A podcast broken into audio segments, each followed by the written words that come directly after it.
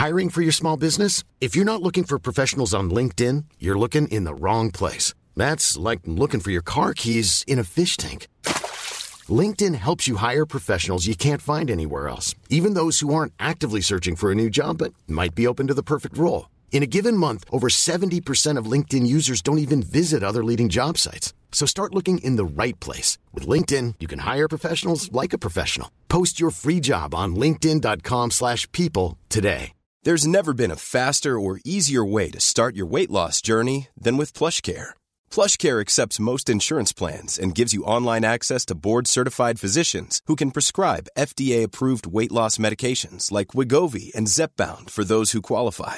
Take charge of your health and speak with a board-certified physician about a weight loss plan that's right for you. Get started today at plushcare.com slash weight loss. That's plushcare.com slash weight loss. plushcare.com slash weight loss.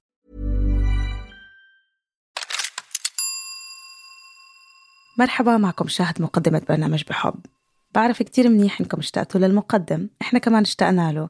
بس عرفت كمان إنه راجع قريبا جدا. حابة اليوم كمان أشارك معكم حلقة من بودكاست تاني ننتجه بشبكة كونين كولتشرز اسمه بودكاست بحب. كتير في رياضيين حظيوا بشعبية واعتراف كتير كبير. وانعرفوا حوالين العالم وألهموا كتير ناس. وفي كمان رياضيين مش أقل مهارة ولا احتراف بس ضلوا معروفين بنطاق محلي أو بدوائر كتير صغيرة. بهالحلقة رح نسمع قصة طارق أبو الذهب قصته مع ركوب الدراجات. بياخدنا طارق بذكرياته بلبنان وبمصر وبفرنسا وبنمشي معه لنتعرف على طارق البطل وطارق الإنسان. بترككم مع هاي الحلقة وما تنسوا إنه دايما تقدروا تتابعوا حلقات بحب اللي بتنزل كل يوم اثنين وبنصحكم عن جد تسمعوا باقي حلقات الموسم الخامس. بتلاقوا الرابط بوصف الحلقة. شكرا كتير وكل الحب. قصة كده فيها هيام. دايما كان بيبقى في سبب إن أنا أكمل. انفعال غضب زعيق. أنا بحبك قوي كل حاجة حلوة. أنا بتغير روح عند بعضها. قصص عن تلك الطاقة التي تحرك الكون. تستمعون لبرنامج بحب من إنتاج شبكة Kerning Cultures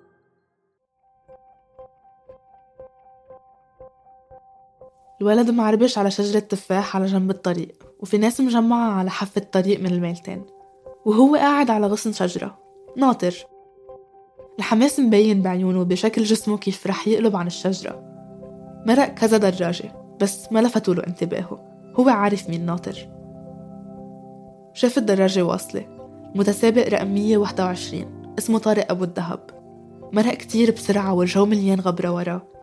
الناس كانوا عم يشجعوه باسمه ولحقوه بعيونهم لحد ما اختفى عن النظر. السباق خلص والناس فلوا والصبية اللي كان على الشجرة ضيعته أمه وعيطت عليه لينزل. وكمان فلوا بس بقى معه صورة. ذكرى رح ترافقه كل حياته. ما كان عارف إنه رح يرجع بعد 53 سنة يوقف بنفس النقطة والمتسابق رقم 121 واقف حده عم ياخدوا صورة سوا. هلا فات بتعرفي خلصت المرحلة كانت المعلمة والدته فاتوا على الصف قالت لهم شو رأيكم بالمرحلة هيدي بسباق السلام؟ هلا كلهم تلاميذ قالوا إنه جوستاف أدولف تشور هذا بطل ألماني مشهور كتير. ربح بطولة العالم وربحان سباق السلام هيدا. مشهور كتير بألمانيا. إلا هيدا هورست تشفر قال طارق أبو الذهب بعدين هلا هلا برجيك المجلة صورنا محل ما كان يوقف. يتفرج علينا. هيدا صوت طارق. التقيت فيه بمحل الدراجات الهوائية يلي بيمركوا ببيروت وقعدنا نحكي. أنا مواليد 1939 بيروت يعني على الضبط في 25 كانون الأول بالميلاد. عيد الميلاد. بفتخر إنه أكون بطل دولي مشاركت بمسابقات دولية وبعدين لم يسبق مثلي لم يكن أحد مثلي. في بيروت يعني في لبنان.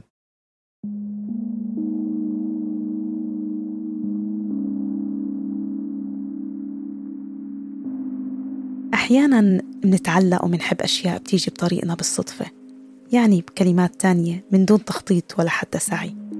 بس ممكن نكون محظوظين كفاية لتيجي فرصة بطريقنا وتسمح لنا نختبر هالسعادة. طب هل الحظ هو اللي بجيب الفرصة؟ أو طاقة الحب مثلا. يعني كلها أسئلة واحتمالات كل حدا بشوفها بمنظوره. بس الأكيد هو إنه اللي بيبقى لنا بآخر العمر هو ذكريات هالتجارب والفرص واللي ممكن تكون خليط من مشاعر اختبرناها. تعب مع فرح مع حماس مع فخر مع إحباط وخيبة. يمكن أحسن إشي فينا نعمله بهالتجارب هو إنه نتذكرها. وهذا اللي عمله طارق. سمح لذكرياته ترسم الطريق قدامه. تاخده على خط البداية ليسفر عداد الوقت ويبدأ السبق. حلقة اليوم من إعداد نيمة صالحة بترككم مع نيمة.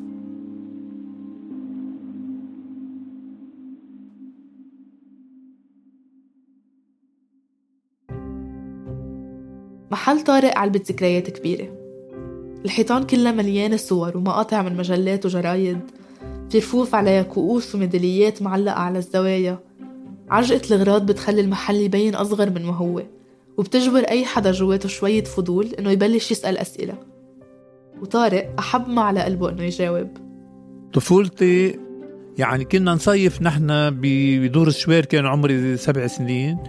أختي كان عندها دراجة كنا نستعملها أنا وخي طلال. بيجو ستاتية أهلاتي اشتروا لها إياها.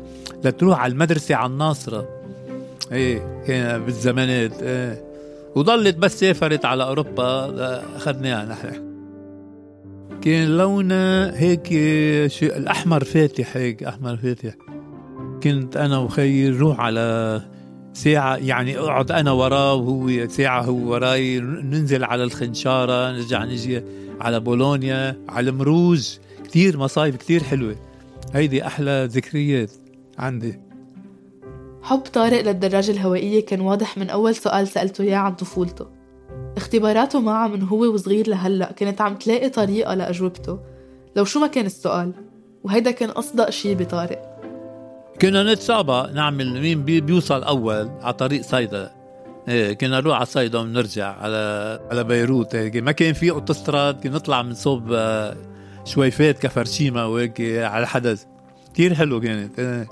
بتذكر. إيه إيه على البسكليت ما كان هيك في هنيك طلوع هيك لتوصلي على على الحدث قبل الحدث بشوي إيه؟ حلو كانت الطريق يلي عم يوصفها بتاخد ساعة ونص لساعتين بالسيارة وبتمرق بكذا ضيعة وطرقات معرجة لتوصل على صيدا. مشيت الأيام وتعرف علي رئيس نادي الكلب الأقدس بسنة ال 56 على طريق صيدا كنت أنا على البسكليت العادية. كان هن عم يتمرنوا النادي عم يتمرن. إيه واكتشفنا هنيك وقال له لخيي إنه هذا اللعيب قوي وكذا لأنه كنت أمشي مع اللعيبة. هن معهم بسكليتات سباق أنا معي بسكليت عادية. ودخلني على النادي وعطاني بسكليت وبلشت أتمرن وهيك صار. قدم لي بسكليت كان يساعدني كتير. كان كتير بيعزني هلا كل جمعة بتلفله بوقتها رئيس النادي كان جوزيف غلام. شاف بطارق شي بيميزه عن غيره. شاف إنه طارق بيستاهل فرصة تاخده على طريق الاحتراف. بتذكر كنت روح على مثلا اتمرن على صيدا روح على على سور. يعني خصوصا من صيدا لسور صدقيني ما تشوف سيارة. إيه، قبل الستينات عم بحكي أنا. كانت سير كان سيارات خفيفة كتير كانت طرقات بتجنن. طريق بين صيدا وسور بوقتها كانت تساع سيارتين حد بعض مش أكتر. اليوم صار في محل الأوتوستراد العربي يلي فرضيا بيوصل سوريا ولبنان وفلسطين. بالواقع الطريق السريع بيوقف على حدود الناقورة وأعلام الأمم المتحدة. المهم الجزء المكتمل من الطريق بين صيدا وسور ما في وقت بنهار ما بيكون في عجقة من سيارات وبسط نقل عام وبياعين ما بتخيل كيف معقول دراج يمرق بيناتهم.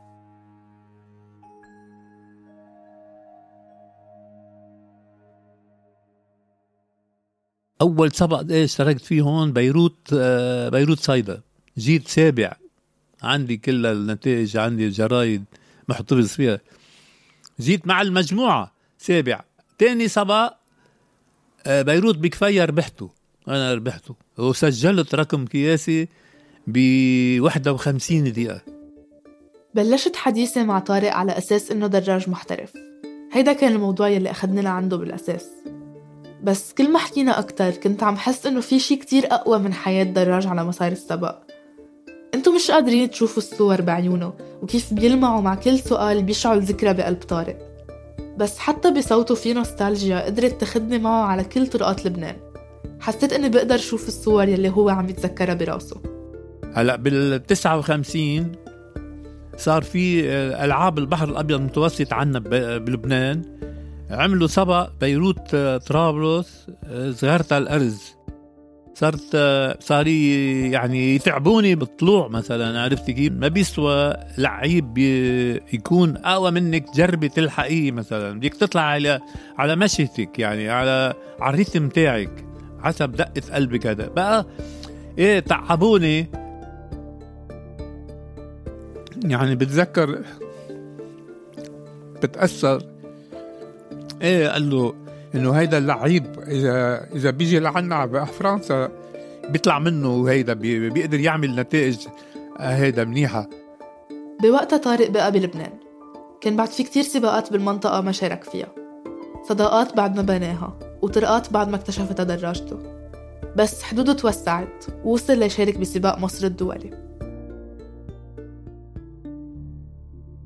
رحنا بعثة من لبنان. قلنا ست لعيبة. كان سبق حلو كتير. أول مرة بظهر من ال... يعني للخارج. بقى شاركنا فيه. كتير سبق كتير حلو. بقى انبسطت فيه. هلأ راحت الأيام أجت الاحداث ب 58 وراحت الأيام بال 58 لبنان كان بقلب الصراع بين الأنظمة الجمهورية العربية الجديدة بمصر وسوريا والممالك العربية المحافظة بقيادة السعودية. هاي قصة طويلة.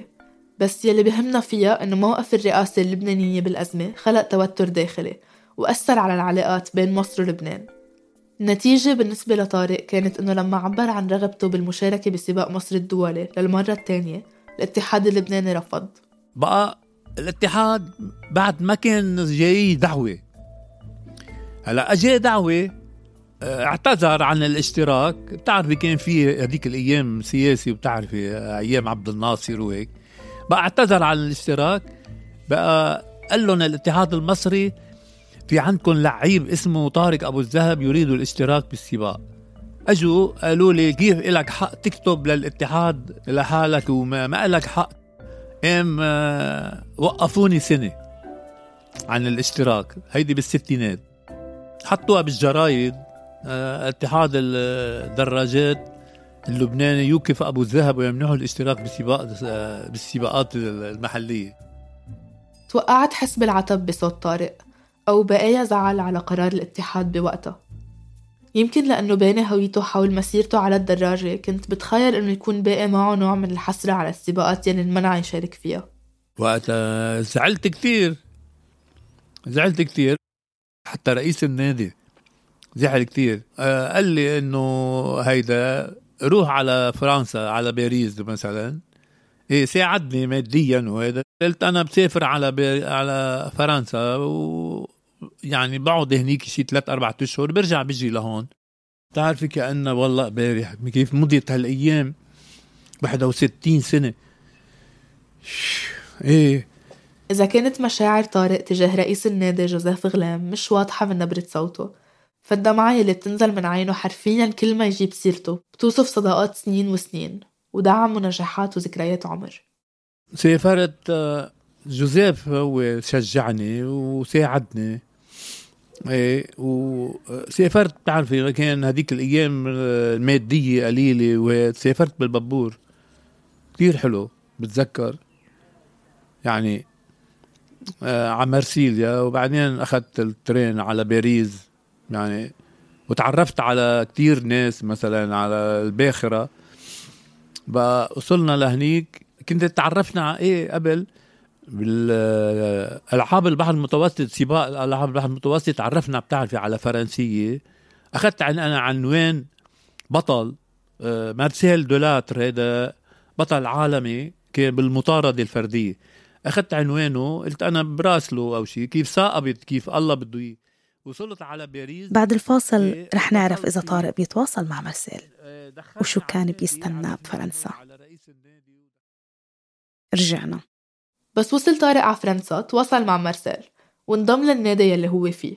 كان اسمه نادي الاثنى عشر أنا سافرت بنيسان وصلت لهنيك بأيار بأيلول كان في سباق ضد الساعة.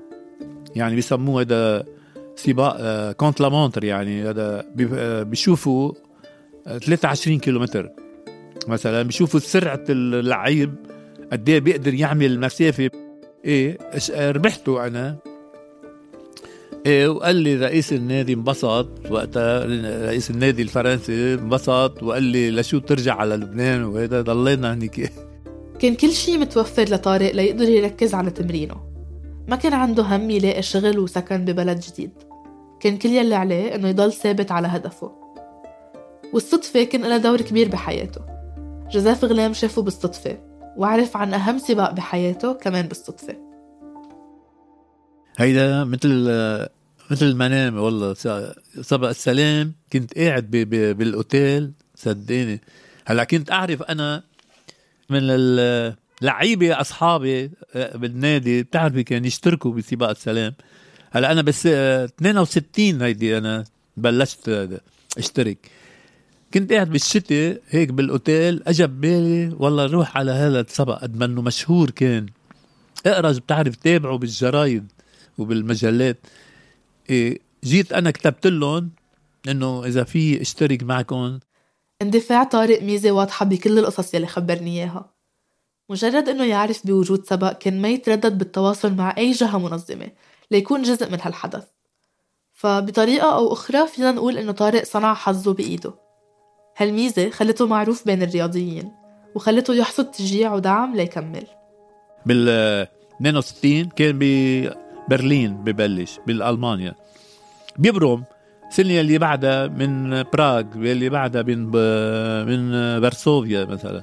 كتبت لهم جاوبوني بالألماني رحت ترجمتها قالوا لي آه، قبلوني. قبلوني بصورة استثنائية. كتبوها بالجرايد ال- الألمانية. كتبوها بالجرايد الألمانية وحتى بالمحلية هون حطوها بالجريدة. لأول مرة في تاريخ المباريات العالمية طارق أبو الذهب يدخل المباريات منفردا. سباق السلام كان سباق سنوي للدراجات الهوائية. بلش سنة 1948 بهدف تخفيف التوترات بين بلدان وسط أوروبا بعد الحرب العالمية الأولى والثانية. السباق كان فيه عدة مراحل وكانوا يشاركوا فيه متسابقين من حول العالم عادة بفرق بتتكون من ست أشخاص. لما رسالهم طارق ما كان عنده فريق يشترك معه. ومع هيك نقبل يشارك بالسباق. لما سألته ليش برأيه عنه استثناء كرماله ابتسم وقال لي ما بعرف حبوني. والله ما بعرف حبوني يمكن. هيدي الج... هيدي العلم اللبناني هذيك فتاة تحمل هي آه، تحمل علم لبنان وأنا وراها. زقفوا لي أكثر شيء بس فت على الملعب.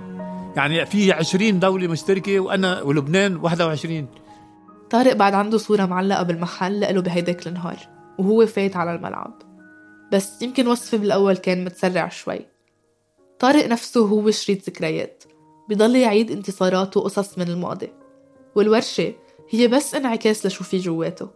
هو مش بحاجة أبدا لصوره بالجرايد ومقابلاته مع الصحفيين ليتذكر كل سباق شارك فيه لأنه بمخيلته هو بعده على مسار السبق هذا سبق السلام ببرلين. هيدا هلا بتعرفي أول نها- قبل ما نشترك بفرجوا الدول المشتركة بفوتوا على الملعب. بلاقي هون الصحيفة صحيفة Neues Deutschland الألمانية تشيدوا بالبطل اللبناني.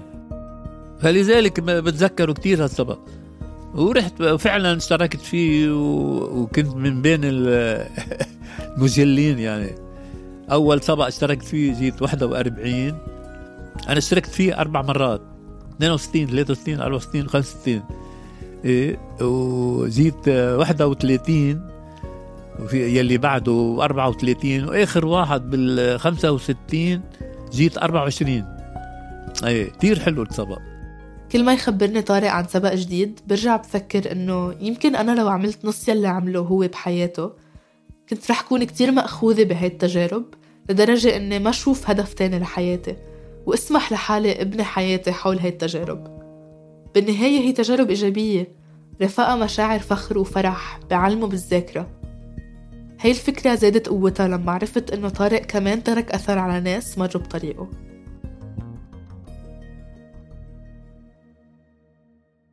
Ja, also ich bin die Friedensfahrt äh, elfmal mitgefahren und habe هيدا تيف شور متسابق ألماني شارك بسباق السلام 11 مرة وشاف طارق على مسار السبق وحده بلا فريق. عم يحكي لنا إنه الميكانيكي كان دايما يهتم بطارق بشكل استثنائي وإنه طارق نفسه كان دراج هادي ما كان دايما يدفش حاله ليوصل للأول بس كان مبسوط بقيادة دراجته مع باقي المتسابقين.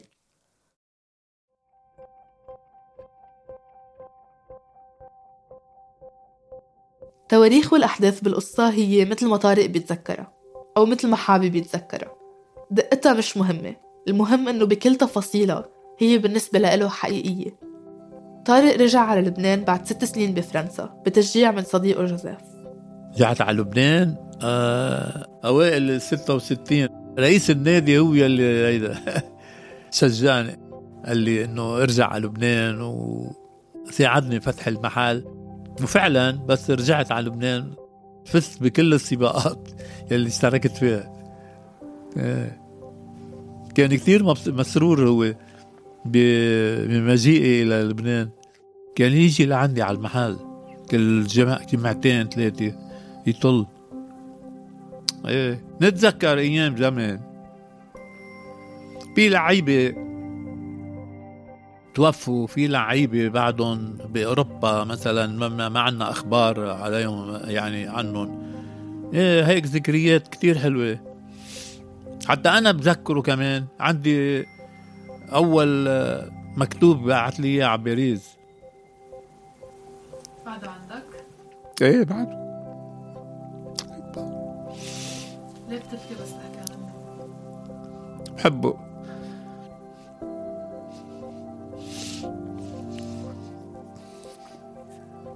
أكتر من خيي بحبه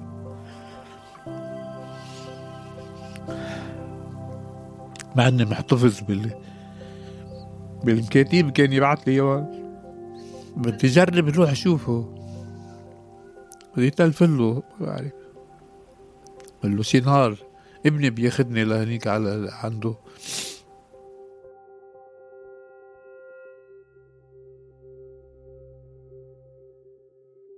بنفس السنة اللي رجع فيها طارق على لبنان كان فريق لبناني من الدراجين عم يستعد للمشاركة بالألعاب الأولمبية اللي كانت رح تصير بعد سنتين بالمكسيك. طارق انضم للفريق وتأهل للمشاركة بعد ما قطع كيلومتر بدقيقة و16 ثانية و18 جزء من الثانية.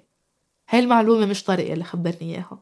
هلا أول ما بال 66 أول ما رجعت على لبنان آه، مستواي ضعف بيضعف الواحد إذا ما بتشتركي بسباقات دولية ومع لعيبة قوية وهذا ما بتضعفي. مستوى مستواك بيضعف. إيه بالاولمبياد يعني هلأ بمكسيكو آه بتعرفي ما بس أنا انسحبت نص اللعيبة انسحبت لأنه في عالي السبق على علو 2200 2300 متر عن سطح البحر. بقى ما فيك تتنفسي وهذا يلي خبرني إياه طارق عن الألعاب الأولمبية كان كتير قليل. كأنه كان مستحي من تجربته لأنه النتيجة ما كانت على خاطره. بس بغض النظر عن النتيجة موقف طارق من السباقات كان دايما انعكاس لجوهره. لقديش هو من جوا مبسوط وفخور بحاله. يمكن طارق ما يكون أشطر أو أقوى أو أكتر دراج معروف عالميا. بس في قيمة لمسيرته وحياته والقصص اللي بيقدر يخبرني إياها. في أحداث خاصة فيه ما صارت مع غيره. تركت أثر بناس حوله بيعرفهم وناس يمكن ما بيعرف إنهم موجودين عم بحيوه من وراء الكواليس.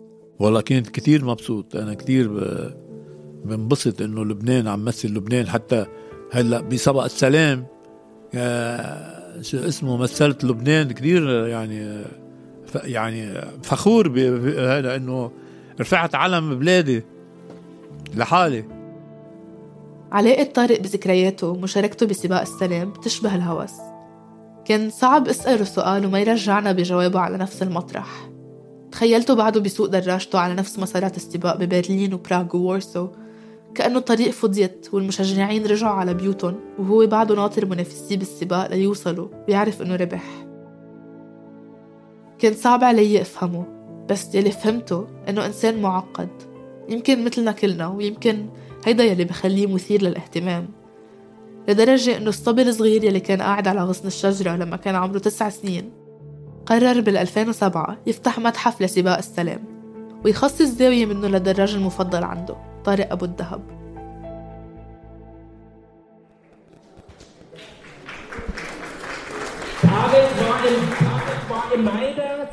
الصبي اللي حكيت عنه أول حلقة اسمه هورست شيفر هو حاليا رجال كبير. شعره شايب.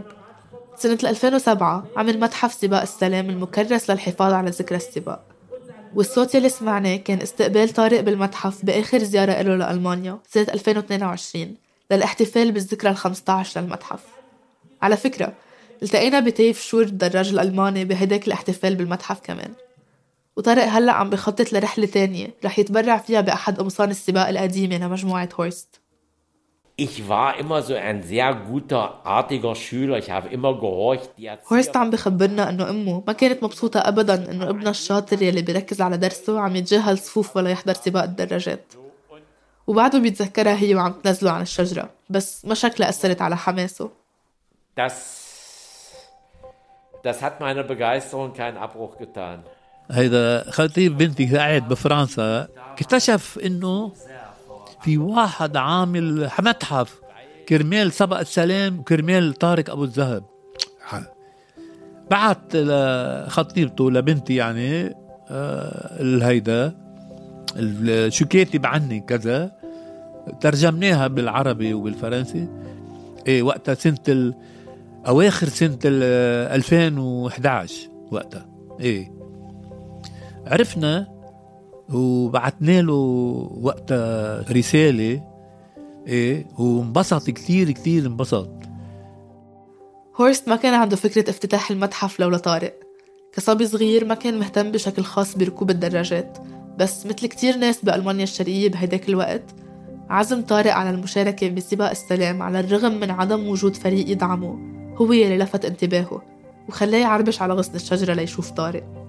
بعت لي قصة حياته وهيك كانوا يضحكوا عليه قالوا له مين هيدا طارق هيدا كان ماشي هذا انت بيكون مات بيكون توفى كذا. شو عامل أنت؟ متحف كرمال سبق السلام قال لي بعت لي صورة ممضية. بعثت له ابدا صورة ممضية انبسط كثير وتلفلي بال يعني حكي لي بالالماني وعزمني قال لي بشهر أيار إيه بتجي بندفع لك نص التيكت ومدري شو بتعرفي؟ كثير انبسط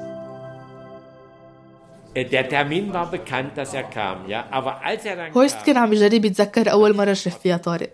وصفه بإنسان كتير بسيط. ما كان عم يتباهى بمهاراته على الدراجة على الرغم من أنه أداؤه كان استثنائي بكتير سباقات. غريب كيف بعده نفس الشخص لليوم بنفس البساطة.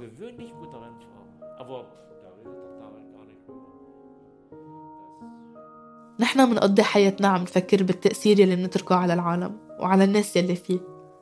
شو منترك بقلوب الناس يلي منحبهم؟ شو منترك ذكريات مع ناس مرقوا بطريقنا؟ شو بيكون المعنى أو الهدف من عمرنا؟ يمكن كتار منا ما يقدروا يعرفوا الجواب. يمكن أصلا ما يكون في جواب واضح طالما نحن موجودين على الأرض.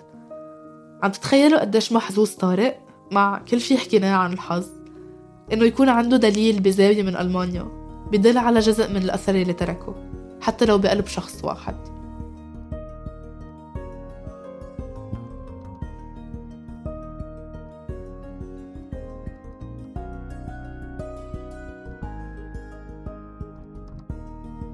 هاي الحلقة من إعداد نيمة صالحة.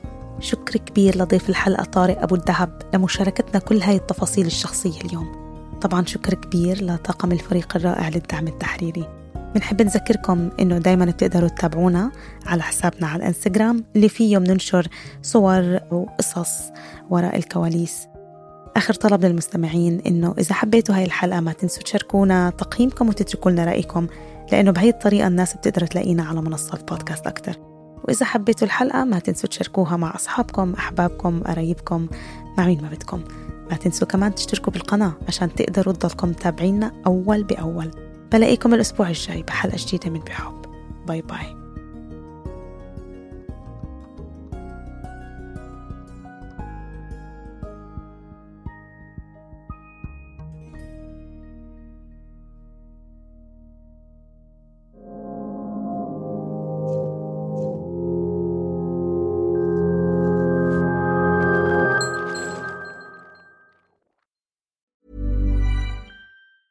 Planning for your next trip? Elevate your travel style with Quince. Quince has all the jet setting essentials you'll want for your next getaway, like European linen, premium luggage options, buttery soft Italian leather bags, and so much more. And is all priced at 50 to 80% less than similar brands. Plus, Quince only works with factories that use safe and ethical manufacturing practices. Pack your bags with high-quality essentials you'll be wearing for vacations to come with Quince. Go to quince.com slash pack for free shipping and 365-day returns. If you're looking for plump lips that last, you need to know about Juvederm lip fillers. With Juvederm Volbella XC and Juvederm Ultra XC, your lip look, whether it's subtle or bold, can last up to one full year with optimal treatment and no additional maintenance. Find a licensed specialist and see if it's right for you at juvederm.com today. That's J U V E D E R M.com. Add fullness to lips in adults over 21 with Juvederm Volbella XC or Juvederm Ultra XC. Do not use if you have severe allergies or a history of severe allergic reactions, or if you're allergic to lidocaine or the proteins used in Juvederm. Tell your doctor if you have a history of scarring or taking medicines that decrease the body's immune response or that can prolong bleeding. Common side effects include injection site redness, swelling, pain, tenderness, firmness, lumps, bumps, bruising, discoloration, or itching. As with all fillers, there's a rare risk of unintentional injection into a blood vessel, which can cause vision abnormalities, blindness, stroke, temporary scabs, or scarring. For full important safety information, visit juvederm.com.